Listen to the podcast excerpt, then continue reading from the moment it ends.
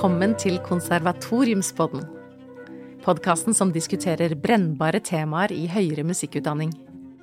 Er du interessert i institusjonell utvikling, eller ønsker du å ta et oppgjør med utdaterte hierarkier? Kanskje er du nysgjerrig på hva det snakkes om i gangene på et konservatorium? Eller på hva samtidens musikere holder på med? Ja, da er dette podden for deg. Jeg er Tanja Orning. Og jeg er Veronica Ski Berg. Denne podkasten er produsert av Sempe ved Norges musikkhøgskole. For alle som er interessert i høyere musikkutdanning. Velkommen til sesong to av Konservatoriumspodden. I dag skal vi snakke om musikerhelse. Det er et stort og aktuelt tema som det snakkes mye om og gjøres mye rundt for tiden. Dette følger jo et generelt helsefokus ellers i samfunnet. Men forskningen har vist at musikere sliter eh, mye. Det er en spesielt utsatt gruppe når det gjelder fysiske og psykiske helseplager. Men hva, hva mener vi egentlig med helse? Dette er jo et veldig stort spørsmål som følger en generell helsevending i samfunnet, kan man si. Eh, og der er det en del forskning som nå tyder på at vi er levende økosystemer som vandrer rundt og interagerer med hverandre. Og derfor er faktisk hode og kropp mye mer sammenkobla enn det man har tidligere tenkt. Den forskningen skal vi ikke dykke ned i. Vi skal snakke om hva det gjøres på, i høyere musikkutdanning når det gjelder eh, helse. Men eh, når vi da nevner helse, så ønsker vi ikke å kun snakke om sykdom eller helseplager, men også om livskvalitet og det å ha en bærekraftig kropp og, og sinn og hjerte å ha med seg i, i et aktivt eh, musikerliv. da. Og musikkterapien har jo brukt eh, et begrep som heter salutogonese, som handler nettopp om dette og favner ganske bredt om, om selve livskvaliteten. Da. Alt fra hvem du har rundt deg, til hvordan du opplever det å stå i egen kropp. Og dette er jo en retning eh, vi også ser i musikkutdannelsen. At man ser på det mer holistiske eh, menneskesynet, holistiske musikeren. At alt henger sammen. Det er ikke en rekke støttefag, men alt henger jo på en måte sammen med hverandre, og ikke minst med dette kroppsfokuset. Og det er også en økende bevissthet blant musikere om at kroppen er en del av selve instrumentet. Ja, for noen så er jo kroppen instrumentet, og det har man jo tenkt i sang i Vel, kanskje alltid. Eh, men i økende grad så ser man også at musikere kan behandle sin egen kropp som selve instrumentet. At pusten er sentral, og holdningen er sentral, og, og hvordan du øver. Ja, Mental trening, prestasjonsforberedelse, alle disse tingene. Dette er et veldig stort uh, tema som vi skal gå inn i. Og grunnen til at vi gjør det, er jo fordi at Sempe har rettet fokuset i, uh, i tandem med alle disse andre utviklingstrekkene mot musikerhelse. Uh, mye også av studentpartnerne som kom inn på, um, mot slutten av Sempe sin periode. Og det har vært mange prosjekter, seminar, konferanse, alt dette skal vi dykke ned i i løpet, som, i løpet av eh, episoden. Um, vi har også med en gjest. Ja, jeg har med oss en musikerpsykolog.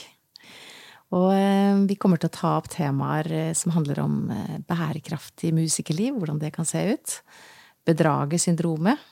Myten om den lidende kunstneren. Og en balanse mellom selvfølelse og selvtillit. Mm. Og sceneskrekk er jo en del av dette, altså music performance anxiety og overbelastningsskader. Mye. Men først vil vi dele utsagn fra På huset, hvor studenter og lærere fra NMH deler sine oppfatninger om hva musikerhelse kan være.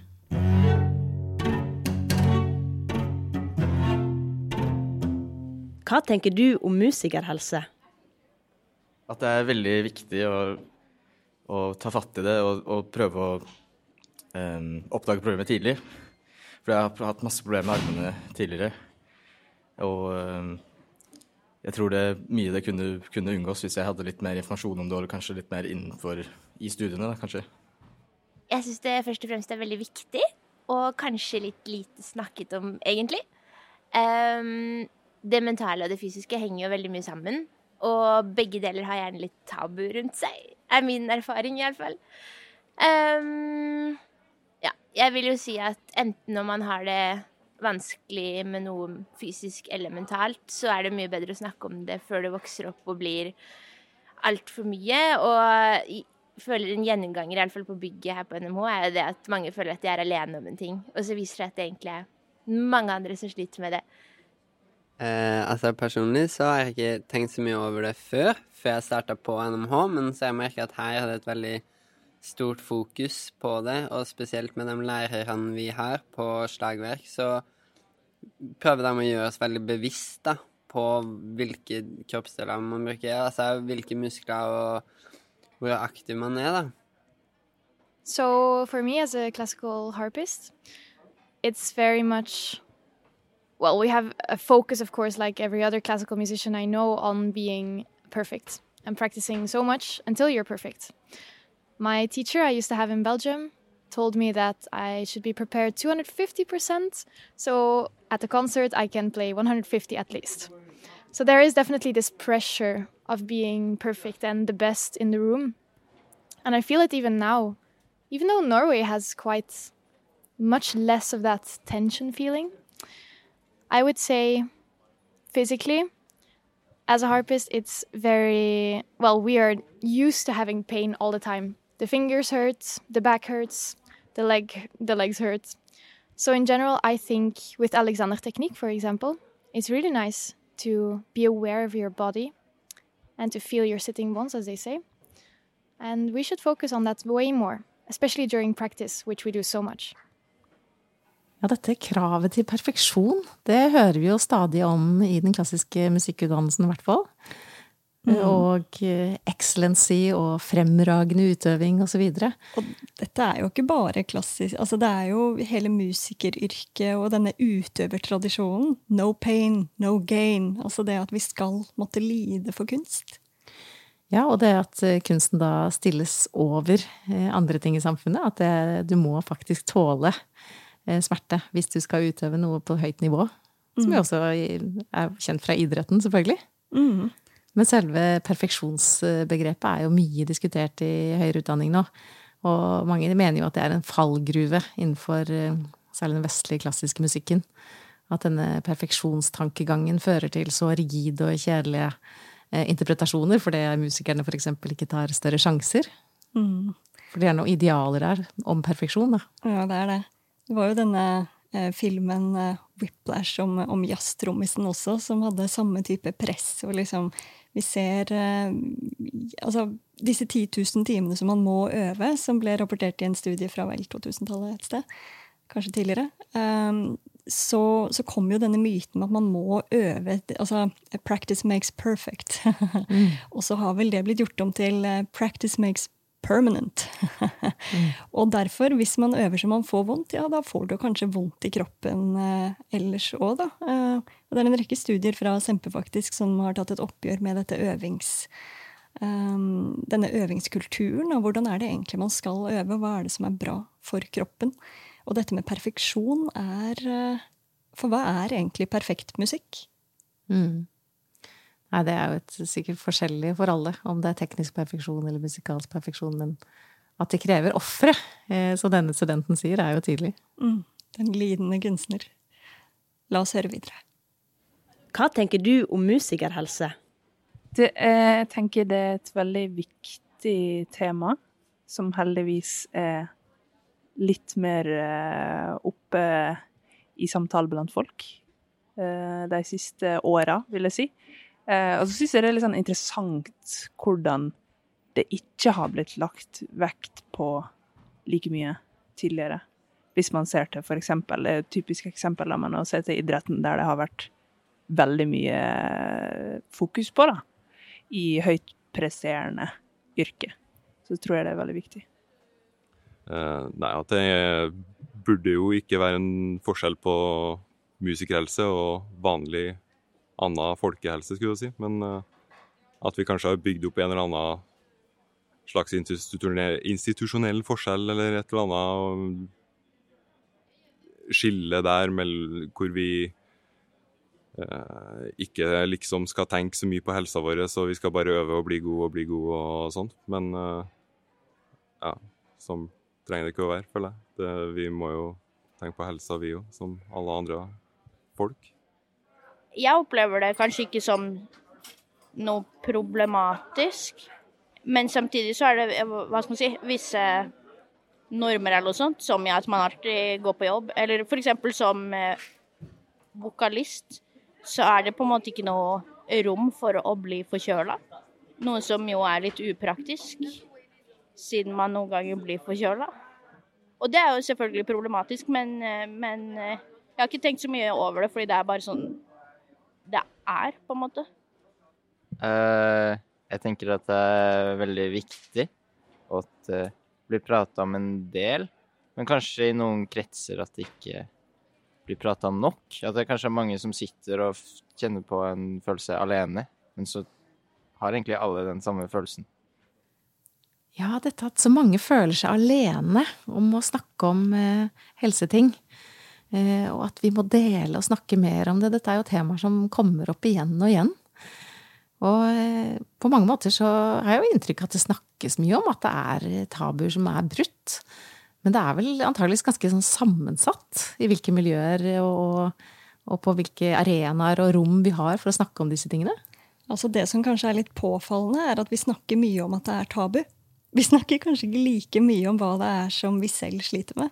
Eh, som det fenomenet, da, det faktum at det oppleves som tabu, og at man ofte står litt tilsynelatende i det, da, uh, alene. Selv om man kanskje ikke gjør det. Uh, og jeg kjenner meg jo selv igjen i dette, for jeg har hatt overbelastningsskader i armene siden tenårene. Og det er ikke noe kult å si høyt. Og som musiker da, så ønsker jo du å fremstå som aktiv, attraktiv, med evne til å gjennomføre oppdragene du tar på deg, osv., osv. Men det å ha en kropp som innimellom skranter litt, det er jo noe alle mennesker har. Mm. Uh, sånn at det å bare se bort ifra det å ta på seg den masken at nei, nei, dette går fint, ikke noe rom for sykdom her, her er det bare rett frem, den uh, Ja, jeg er veldig glad for at det begynner å komme frem nå, at vi kan snakke om at det er et tabu. Og så håper jeg at folk kanskje finner litt mot til å si eh, si ifra og sette grenser for seg selv eh, når det gjelder disse tingene også, da, sånn at man ikke bare kjører over egne grenser, for det er jo da det begynner å bli farlig. Jeg har jo kunnet leve med min overbelastning, f.eks., mm. og jobber som forsker, og det går jo helt fint. Men denne sårbarheten som man da viser, eh, det kan jo også snus til styrke. Jeg tenker nå Leif Ove Ansnes eh, har jo vist på et TV-program eh, hvor han har slitt så mye med armene, og hvordan han har fått hjelp og hvordan det å være borte fra piano på en måte også har styrket han som musiker. Så det at noen veldig sånn kjente folk står fram med sånne ting, så viser det jo at eh, alle er mennesker med en kropp eh, som ikke tåler alt. Så det viktige kanskje i høyere musikkutdannelse er hvordan vi kan skape flere rom, skape flere arenaer hvor dette blir tatt opp. Ikke bare som segregert at dette er kroppslige plager og dette er psykologiske plager, men rett og slett den blandingen, sånn som vi snakket om med den helhetlige musikeren. Mm. Ja, for når det er noe som kroppen din sliter med, så er det jo ofte sånn at man føler litt på det selv òg. At det går på selvfølelsen løs, eller selvtilliten når du skal opp på scenen igjen etter lang tid, f.eks. Det føles kanskje ikke like rutinert som da man var aktiv hele tiden. Uh, men uh, som du nevner, altså det å få en liten pause fra, fra aktiv, hard øving uh, det kan jo også være fint for å skaffe nye perspektiver, og hjernen jobber jo et litt annet gir. og når vi er kunstnere, så handler jo dette om mer enn bare å øve. Det er jo ja, mye mental trening på øvingsrommet som kan gjøres også med notene. Visualiseringsøvelser. Mye bra som kan skje med kroppen og hodet. Vi skal se på hvordan eh, høyere musikkutdannelse inkorporerer forskjellige typer musikerhelse i undervisning og læring. Men først skal vi høre et intervju med vår fagekspert, musikerpsykologen.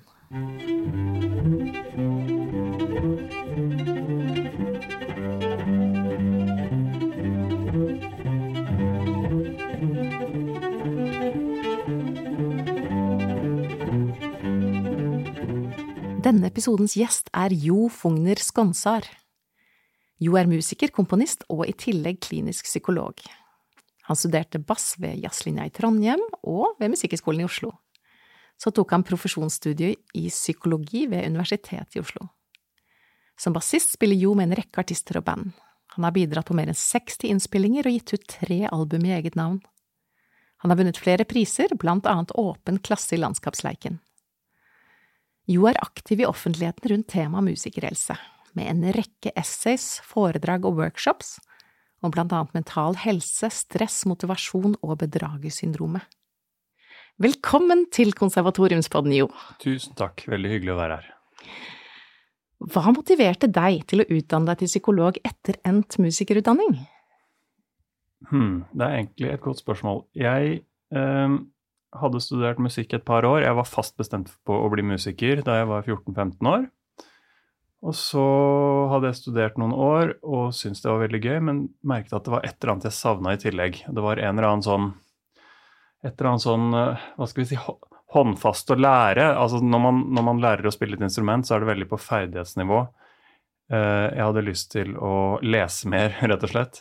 Um, og så, på et tidspunkt, så merket jeg også at kanskje ikke det er bare det å spille bass jeg skal drive med resten av livet, og kanskje har jeg lyst til å drive med noe annet oh, 20 år fram i tid, da, så jeg tenkte litt sånn langt fram i tid.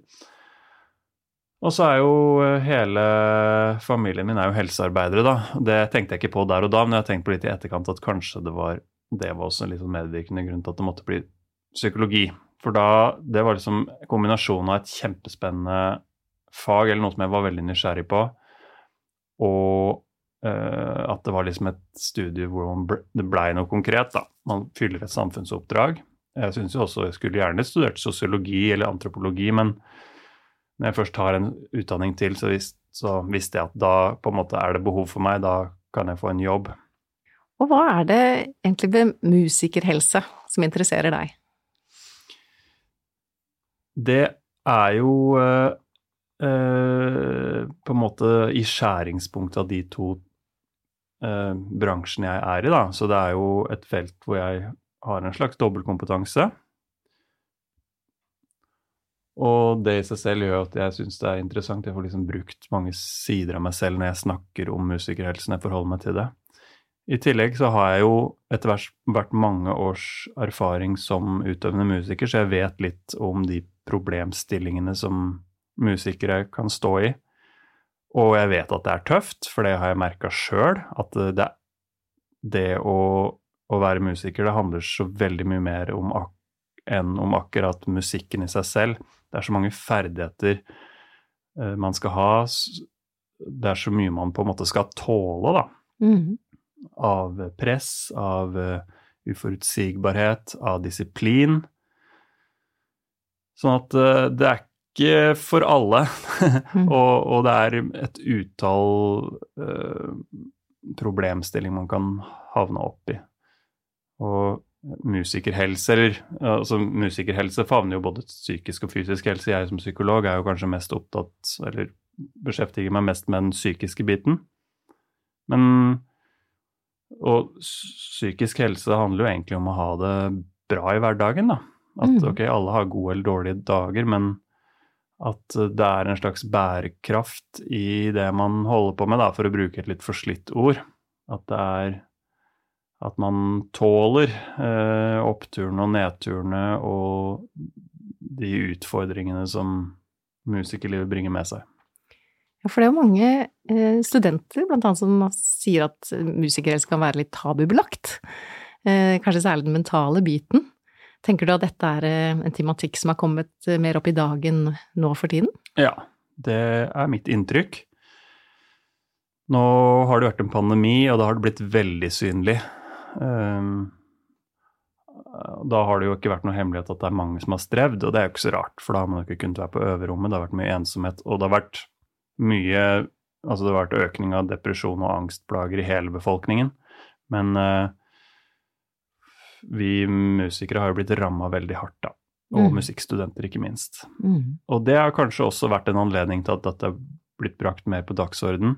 Og eh, sånn rent konkret, hvilke helsefaktorer tenker du er særlig viktige for musikere? Først og fremst så handler det jo om litt sånn eh, grunnleggende selvivaretagelse, da. Eh, at, man, at, man, at man lever et liv som gjør at man kan holde på i mange, mange år Uh, og det handler jo om så banale og basale ting som uh, å sove nok og spise sunt og bevege seg. å ha en kropp som tåler å spille uh, eller synge. Um, og så er det å ha et slags Å ha et fellesskap, tenker jeg er kjempeviktig. For det er mye ensomhet også blant uh, spesielt frilansmusikere, da. Sitter mye aleine på øverommet, man sitter mye aleine hjemme. Mange har jo ikke noe sånn automatisk sted hvor man treffer folk hver dag. Mange kanskje sitter og øver hjemme. Uh, det tenker jeg er kjempeviktig. Um, og, det, og i tillegg til å ha et fellesskap og ha noen å prate med når det er uh, tøft. For det er det for de fleste. Mm. Ha enten en, en, partner eller ko gode kolleger eller venner eller en profesjonell. Noen, mm. noen, trenger det.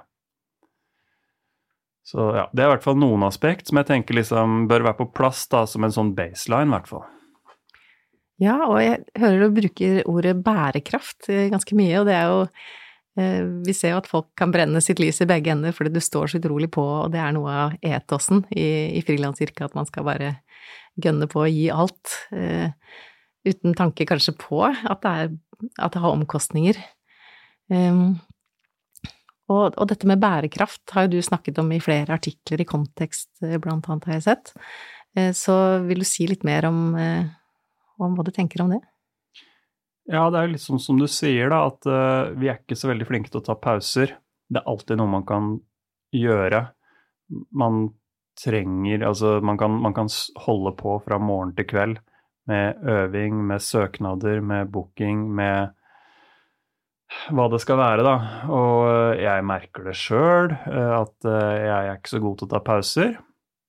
Men Og da kommer vi inn på det andre den andre Men metaforen som du sa, det å brenne lys i begge ender, at det er jo litt det som skjer, da. Så det å kunne ta pauser, og ikke minst kanskje ha noe annet, ha en annen arena i livet også, har jeg litt tro på. For det blir veldig mye prestasjon ofte i, i den profesjonelle musikertilværelsen.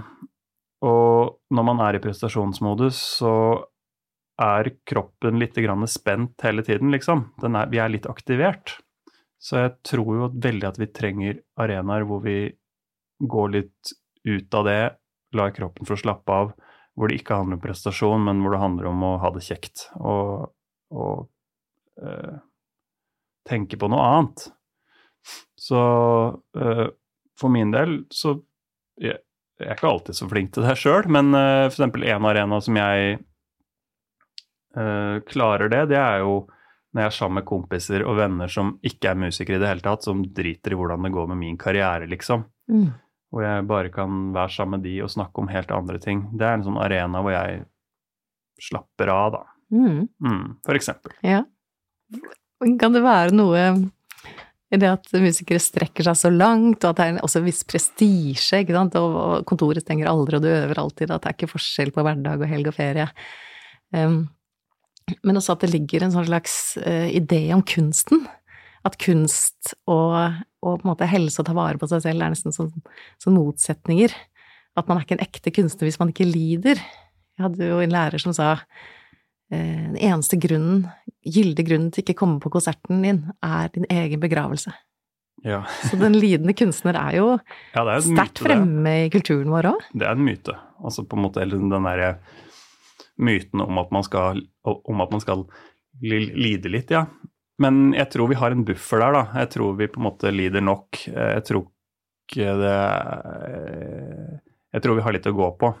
Så jeg er helt enig i at det å være utøvende musiker, det er ikke for alle, det er ikke noe menneskerett. Og det skal på en måte være hardt, fordi vi, vi, vi skal jo prestere liksom i ytterligere ytterkanten. Vi skal ikke, vi skal ikke holde oss i komfortsonen. Og dermed tenker jeg at det, dette er ikke noe som man kan liksom eh, hevde at man har rett til å drive med. Men, men samtidig så tenker jeg at hvis man skal kunne holde på uh, over tiår, da, så er det faktisk lov å tenke litt på å ta vare på seg selv. Og jeg jeg kan liksom ikke se det at det skal skape så veldig mye dårligere kunst. Nei. I hvert fall ikke på sikt. Nei.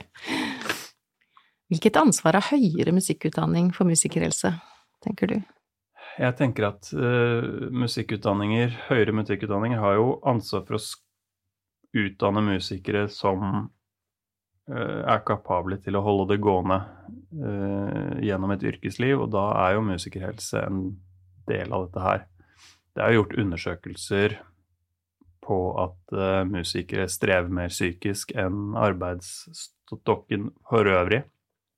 Så dette her er jo absolutt en reell utfordring. Og nå veit jeg at f.eks. Mus Musikkhøgskolen har jo et sånt prestasjonsforberedelsefag som tar opp i seg temaer som handler om psykisk helse.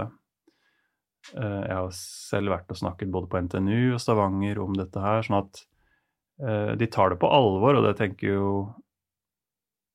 jeg er kjempeviktig og bra. Ikke bare fordi Eh, jeg har jobb, da, men, men også generelt, altså.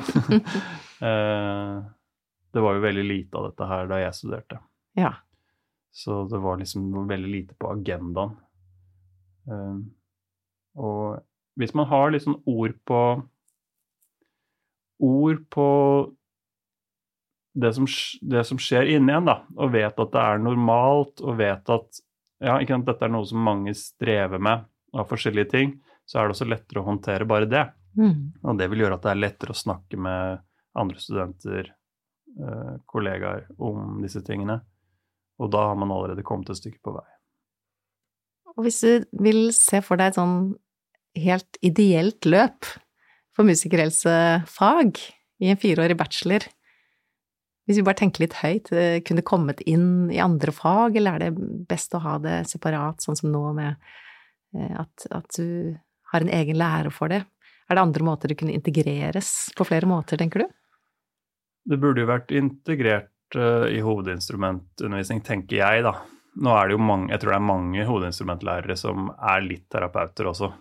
Og det ja, uh, tenker jeg er greit og, og, fint, egentlig, at hvis man har den kontakten med hovedinstrumentlæreren. Liksom prestasjonspsykologi da, og mental helse, det er liksom så, det gjennomsyrer jo alt det vi driver med. Det er jo så mye psykologi i det mm. at det bør jo egentlig ligge der på en måte i alle fag, da, egentlig. Mm. Tenker jeg, da. Uten at, altså Det er jo ikke alle som skal være psykologer eller trenger å ha så liksom, men trenger å ha liksom, lange utdanninger på det selv om man skal undervise i det, men at det, det, det ligger der som et tema man kan ta opp. Mm. Mm. Så jo, i ditt arbeid som musikerpsykolog, er det noen spesielle tematikker du har eh, støtt på ofte?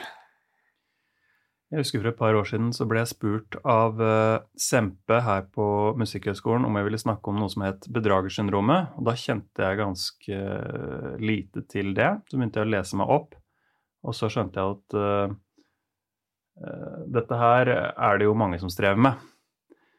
Jeg husker flere musikere som jeg har prata med tidligere, som forteller meg om den der frykten for å bli avslørt. Og frykten for at at de, at de, egentlig er grunnleggende inkompetent som musikere, at dette en dag skal komme for en dag, og at det aldri er for seint. Enten du er 20 eller du er 70, liksom.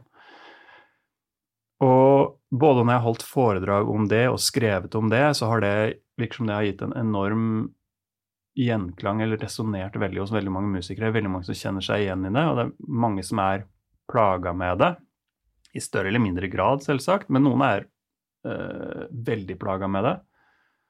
Og det er jo, det er jo den derre Den følelsen av at man alltid kan på en måte Eller at man At, man på tross av uh, Uansett hvor langt man har kommet i karrieren, at man aldri føler at man egentlig strekker til.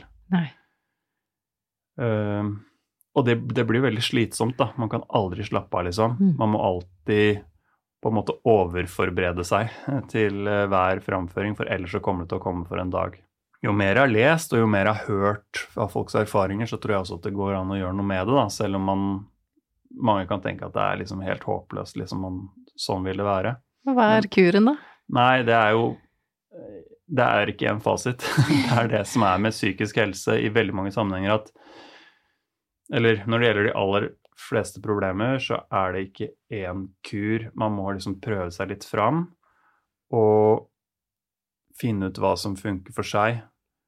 Og for noen, når det gjelder liksom bedragersyndromet, da, som er egentlig ganske tett kobla med selvfølelse eller selvtillit også mm, For noen så handler det jo om å problematisere på litt sånn rasjonelt vis de tankene man sitter med. Men stemmer det at jeg er så inkompetent hvis jeg har, jeg har faktisk oppnådd det og det og det og det, og dette her, det gir liksom ikke mening at man begynner å liksom, ja, problematisere de liksom katastrofetanker eller negative tankene man har om seg selv. For noen så er det bare deilig, eller så det, kan det være veldig frigjørende bare å gi slipp på at man i det hele tatt skal bedømme seg selv, men la det være opp til andre. Ja, hvis jeg vant det prøvespillet, så er det, så er det noen andre som har, som har, sagt at jeg er god nok, og da trenger ikke jeg forholde meg til det selv. Mm. Uh, uh, for uh, andre igjen så kan det hjelpe bare det å bli eldre, det å kanskje ja, stifte familie, eller liksom få noen andre perspektiver i livet, da. Gjør at det letter litt. Når det ikke blir så viktig, liksom. Det blir ikke så, så på liv og død, nærmest. Mm. Men tusen takk, Jo, for at du ble med i denne podkasten. Eh, mm. Du kom med veldig fine perspektiver og eh, ga oss mange tanker eh, om musikerhelse. Tusen takk. Tusen takk for meg, og takk for at jeg fikk komme.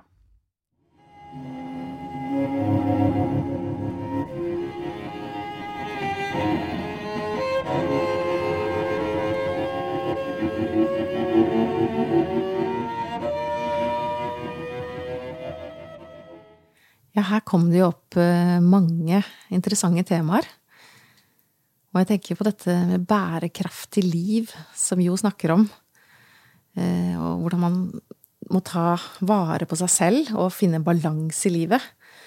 Eh, og at det er ikke for alle å bli musikere. Det krever jo en viss robusthet og en slags motstandskraft mot mange ting som vederfares igjen. Eh, og dette er jo mer og mer individualisert også. Ser vi jo eh, hvordan eh, hvert enkelt individ står ansvarlig for sin egen helse. Og hvordan dette prestasjonsmodus å alltid være på er utrolig usunt. Og hvordan det ofte blir koblet med at vi er kunstnere som må være på topp og må, må prestere og hvordan den selvtilliten og selvfølelsen Hvordan vi faktisk er det vi gjør, i så stor grad. Det er ikke et skille mellom at den profesjonelle versjonen av deg selv og den personlige versjonen, men at du selv alltid eh, viser, og, og, det står på spill liksom hele deg, liv og død, fordi at det, dette henger så tett sammen.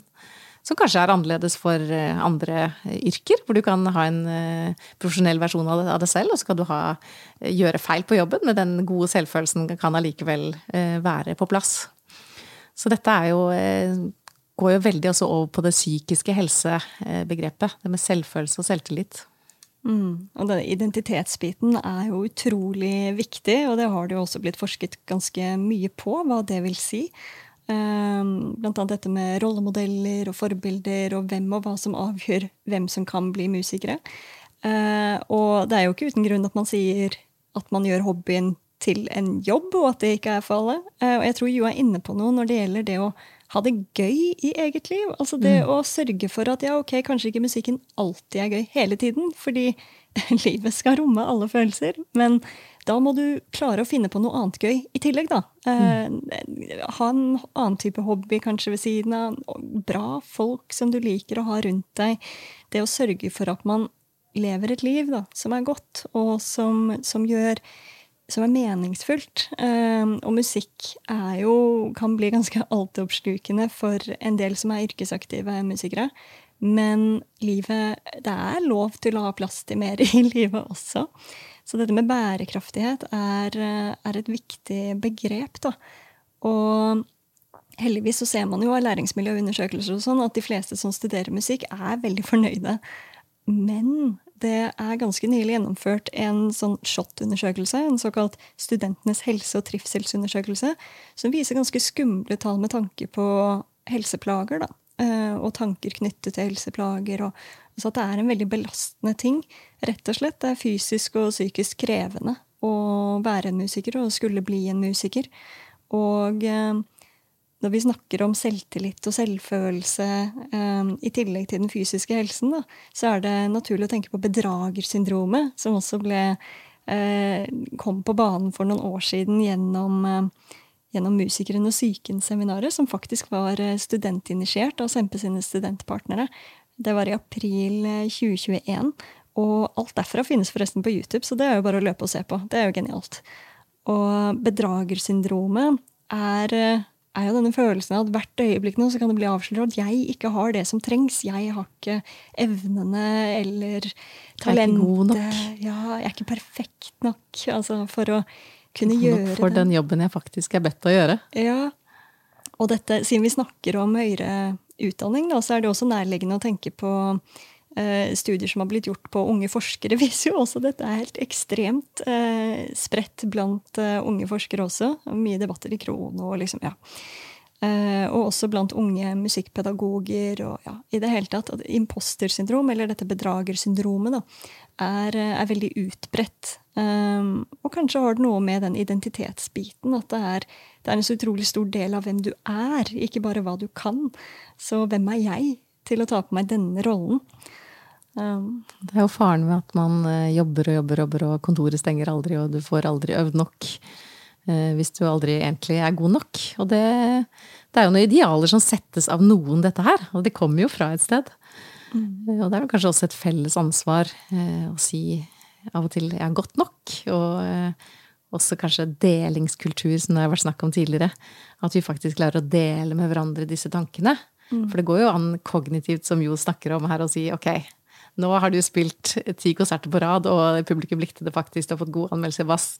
Liksom, hvor logisk er det nå at du egentlig er en bedrager? At du lurte, du? Klarer du å lure hele musikkmiljøet? Har lurt folk i 30 år, nei.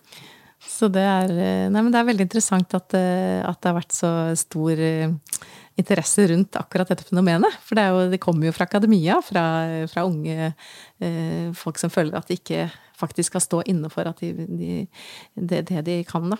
Mm. Men at i kunsten så er det disse her eh, idealene som, som, egentlig aldri er helt definerte, som gjør at vi alltid kan strekke oss lenger. Mm. Og som vi har vært inne på i, eh, i, forrige sesong, så er jo dette sosialt konstruerte sannheter. Så det er jo ting vi er med på å definere hele tiden.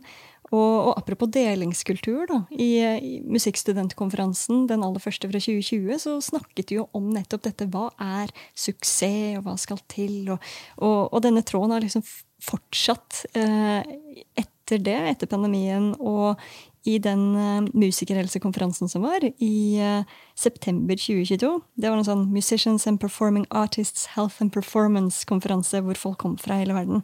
Og Performing Arts Medicine Association var til stede, vel.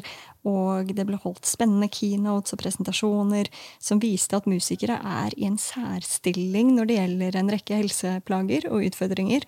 Uh, vi har jo snakket litt om overbelastningsskader, men F.eks. For i Forsvarets musikk så sliter, eller det var i hvert fall fra en studie rapportert, eh, at 40-70% har opplevd ulike muskel- og skjelettsmerter i sammenheng med deres jobb. Da.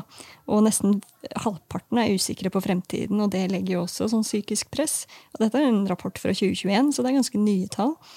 Og eh, ja, hel haug med presentasjoner som viser at musikerhelse er At musikere er i en ganske belastende situasjon. da. Um, du har jo jobbet som musiker, kanskje du har noe erfaring? Ja, så jeg har uh, hatt mye vondt, jeg også. jeg har gått på scenen og feber og omgangssyke og The show must go on. Men um, jeg skulle til Aserbajdsjan og spille, og da våknet jeg og kunne ikke bevege armen min i det hele tatt. Jeg husker jeg måtte ha hjelp. Jeg var på et hotell. Jeg måtte ha hjelp fra duopartneren min og kle på meg. Og da gikk jeg til landslagslegen for skytterne, som ga meg eh, en skikkelig sterk kortisonsprøyte. Og det er jo absolutt ikke å anbefale i lengden, men da eh, Jeg måtte jo til Aserbajdsjan og spille Kiberia, showet vårt. Eh, det var på en måte helt uaktuelt å ikke dra. Og det tror jeg mange musikere har opplevd. At avlysning er veldig vanskelig. Ja. Åh. Jeg, ja, men dette å sette grenser er jo så utrolig viktig, da, og helse er jo en veldig personlig ting. Eh, og folk har forskjellige typer plager, eh, og det er fysisk belastende, og det er psykisk belastende. Eh, og givende, da, ikke minst. Vi skal jo ikke glemme det da, med tanke på helse. At det er jo snakk om livskvalitet òg, og veldig mange har det jo også veldig fint. Og i, i, forskningsprosjektet jeg gjorde, så var jeg jo nede på dette studiet i Nederland, eh, i Utrecht, som heter Musician 3.0. Og der skal de bli Music Performance Artists. Og en av de tingene de gjorde der, som, som jeg oppfattet som unikt, var at de hadde et dansekurs som var obligatorisk. Og det gjorde de ikke for å bli dansere på scenen og sånn, mm. men nettopp for å komme inn i kroppen sin og liksom Hva er det kroppen min vil akkurat nå? Hvordan kjennes denne holdningen ut? Og så videre. Um, og uh, ulike studenter og lærere og musikere trenger jo forskjellige tilnærminger da, for å komme inn i sin kropp og finne ulike metodikker og liksom sånn for å utvikle sin relasjon til egen kropp og finne ut hva er det som for meg vil skape et godt, bærekraftig liv. Um, og sånn sett så er det veldig fint at i høyere musikkutdanning så begynner det å komme en rekke kurs uh, på forskjellige typer valgemner og også sånn smådrypp generelt inn i studieplanene. Og uh, det er eksempel eh, ja, opplyses jo alltid mer, da, men eh, de fleste institusjoner er jo flinke til å lenke til studentsamskipnaden i byene og ulike tilbud som er der. Og det er stadig en økning i henvendelser knyttet til studenters psykiske helse. Og ved Universitetet i Agder for eksempel, så har de satt inn en arbeidsgruppe som skal kartlegge da, hvilke ressurser som trengs for å opp eh, for å følge opp det behovet som kommer, og skape trygge rutiner for å følge opp studenters helsebehov. Da. Ikke at jeg er en helseorganisasjon, det er ikke det jeg sier, men jeg sier at hvis vi vet at dette er tabu, da, og vi vet at folk trenger forskjellige typer metoder, så er det jo veldig fint at man kartlegger hva man, hva man kan gjøre for å imøtekomme og veilede og, og, bidra til at det blir en mer åpen samtale. Da. Og Musikkhøgskolen er også mange fagtilbud med musikerhelse. Det er jo obligatorisk fag i første år som heter musikerhelse. Og ellers så har de ganske mange eh, valgfag og mentale øvingsstrategier. Det var Timani, aleksanderteknikk, motivasjon, prestasjon og scenisk nærvær, bevegelsestrening for musikere, barokkdans, folkedans, studieprogram, årsenhet i musikk og helsearbeidere og master i musikkterapi. Mm. så det er uh, mye som er valgfag her. Jo mente jo at det burde egentlig sånn type helserelaterte fag inn i alle fag. Og at eh, hovedinstrumentlærer selvfølgelig burde vært, eh, eller er helt sentral der. Og at det burde veves inn i mange. Det er jo veldig interessant å se mm. hvordan dette blir i fremtiden. Ja, det pågår jo noen forskningsprosjekt også som kartlegger studenters eh, opplevelse med egen kropp i, og fysiske plager og sånn. Og, og, et annet prosjekt som, som, snakker om grensesetting mellom lærer og student. Og hva er det egentlig man tar med seg på instrumentaltimen? Mm. Ofte hvordan du øver, hvordan du får til å stå i eget liv, handler jo mye om hvordan du har det. Mm. Um, men det er ikke alltid alt passer i alle forum. ikke sant? Så, igjen, her er vi veldig forskjellige, og det er et komplisert område å ta tak i. Um, så vi får nå se da, om uh, vi kan skape litt mer åpen samtale. At folk tør å sette grenser for seg selv, og at det skal være ok. For nettopp å prioritere det bærekraftige musikerlivet, som gjør at man er i stand til å skape musikk. Da, til å være musiker over tid. Til å bygge en ordentlig god karriere for, for seg selv, og for å ta og bidra til at det fortsetter å eksistere musikk i samfunnet. Mm. Jeg bare tenkte på det med at du snakket om dans og musikk, for det er jo egentlig helt påfallende eh, hvordan dans og musikkutøving er knyttet sammen i så mange kulturer. Ja. Eh, bortsett fra kanskje i den vestlige klassiske musikken. For det er fol norsk folkemusikk, eksempel, så er musikk og dans helt tett sammenvevd. I veldig mye musikk fra andre land i afrikansk musikk, så er det jo det er på en måte del av samme uttrykk. Det er ikke adskilt. Så det eh, hadde jo vært en kjempeflott ting om eh, det kunne blitt eh, inkorporert i all musikkundervisning. At man faktisk må bruke kroppen.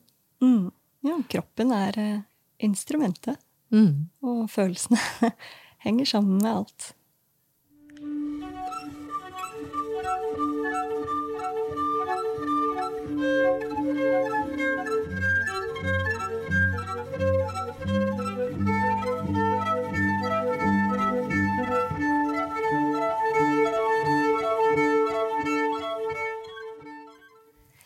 I denne episoden har vi snakket om musikerhelse. Annet at eh, det kan være fysisk og psykisk belastende å være musiker i en del sammenhenger. Som overbelastningsskader og bedragersyndromet og en hel haug med andre ting. Vi har også snakket om hva som gjøres i høyere musikkutdanning knyttet til disse temaene. Og at det er viktig å ha fokus på å skape et bærekraftig liv. Men eh, hvordan gjør vi det, da? Altså dette med bærekraftighet eh, står jo ikke bare helt alene for seg selv, for det er jo veldig knyttet til eh, musikerøkonomi, faktisk. Altså hva, hvor mange jobber må du faktisk ta for at det skal gå rundt økonomisk? Eh, og i det musikklivet vi ser nå, med færre faste jobber og mer frilansvirksomhet, så er det jo rett og slett mye større press på musikerne. Noe som går utover helsen også. Så hvordan økonomi knyttes sammen med et bærekraftig musikerliv, det er jo noe vi skal snakke om i neste episode, som handler om økonomi.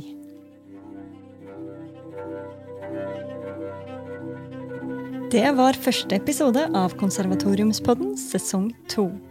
Vi takker Jo Skonsar, som var med oss som gjest i dag. Vi takker også Sigrun Sæbø Aaland, som har vært produsent og konsulent for denne podkasten. Vi takker også for utsagn fra folk på huset. Fride Nøstdal og Rebekka Plagge Riss Larsen. Noen ønsker å være anonyme. Bak podkasten finnes også en rekke bidragsytere som vi ønsker å takke. Disse listes opp på nettsidene til Musikkhøgskolen. Der kan du også lese mer om Konservatoriumspodden og finne alle referansene som har blitt nevnt. Takk for at du lyttet til denne episoden. Jeg er Tanja Ordning.